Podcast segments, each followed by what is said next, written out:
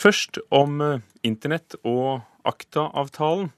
22 EU-land signerte i går ACTA-avtalen, som eh, handler om beskyttelse av åndsverk, som bl.a. musikk og film. USA, Canada og ø, forhandlingsprosessen har vært hemmelighetsfull. USA og Canada altså undertegnet sammen med 22 EU-land. Det har vært hemmelige forhandlinger, protestene har vært store, men hva konsekvensene vil bli, er fortsatt uklart.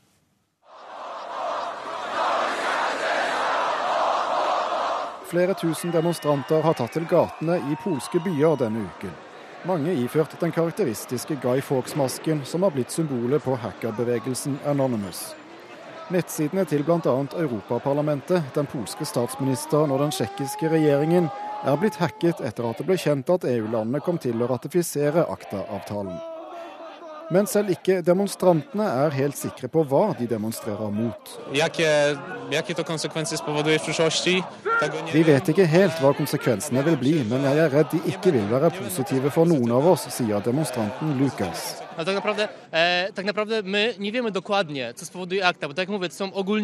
Vi vet ikke hva akta vil forårsake. Avtalen er veldig tvetydig, og det er egentlig det verste, mener Thomas Pølroll i Potsdam. ACTA-avtalen tar sikte på å beskytte opphavsretten og skal bl.a. forhindre piratkopiering av musikk og film på internett. USA og Japan tok initiativet til forhandlingene, som var preget av hemmelighetskremmeri, frem til Wikileaks lekket utkastet til avtalen i 2008. Siden er avtalen blitt revidert noen ganger. EU hevder avtalen ikke vil føre til nye lover i unionen, men heller bringe andre land opp på standarden EU har på området i dag. Den polske regjeringen har uttalt at internett ikke må få lov å utvikle seg til et lovlig anarki. Statsminister Donald Tusk forstår at demonstrantene reagerer.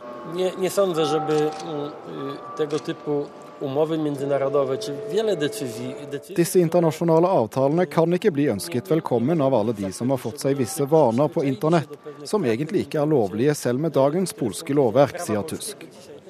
Det er ventet at de fem EU-landene som ikke signerte avtalen i går, vil signere i løpet av kort tid. Fortalte reporter Thomas Alvarstein Ove. Gisle Hannemyr, universitetslektor ved Institutt for informatikk ved Universitetet i Oslo. Hva vil konsekvensene for internettbrukere være eh, dersom avtalen etter hvert blir ratifisert i de forskjellige landene? Ja, først bare en liten kommentar. Altså, det var jo ikke 22 eh, EU-land som ratifiserte avtalen. Det var en EU-diplomat som på vegne av 22 EU-land ratifiserte den. Ja, og enkelte land, som Sveriges eh, ambassadør til Japan osv. Og, ja. Eh, og så må det da eventuelt for Sveriges del, som er nærmest oss, da gjennom Riksdagen. Så det er en lang prosess. Ja. Men hvis den går igjennom, hva vil den bety? Eh, jeg tror ikke den vil bety så veldig mye. Eh, jeg er for så vidt enig med det som ble sagt i den innledende reportasjen her, at eh, dette er en lov som i all hovedsak strør sand på det som allerede er gjeldende EU-rett, og det som er gjeldende norsk rett.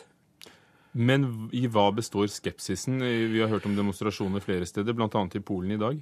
Ja, Skepsisen består i første rekke av to ting. Det ene er at man er veldig uenig i prosessen. Altså at det har vært eh, hemmelighold hele veien, og at EUs eh, e og Sveriges ambassadør i Tokyo undertegnet avtalen uten at den har vært gjennom Europaparlamentet. Og Europaparlamentet har jo til og med vedtatt en sånn resolusjon hvor de anbefaler at den ikke blir vedtatt. Så det er friksjon da sant, innenfor det politiske systemet om prosessen rundt denne avtalen. I tillegg til det så er det slik at den har blitt lekket i ulike versjoner. Og disse lekkede versjonene har vært urovekkende. Der har det vært en del drakoniske tiltak. Nå virker det som, når nå den endelige traktatteksten er tilgjengelig, at Um, dette i all hovedsak har blitt vasket bort i prosessen. Men veldig mye av protestene ser ut til å ta utgangspunkt i Wikileaks-versjonen istedenfor den offisielle versjonen. F.eks. så så jeg at Ekstrabladet i går skrev at hvis du f.eks. får en tatoveringen av et copyrighted logo på hånden, og noen tar bilde av deg og legger dette bildet ut på, på Facebook, så kan du få bøter eller i verste fall fengselsstraff.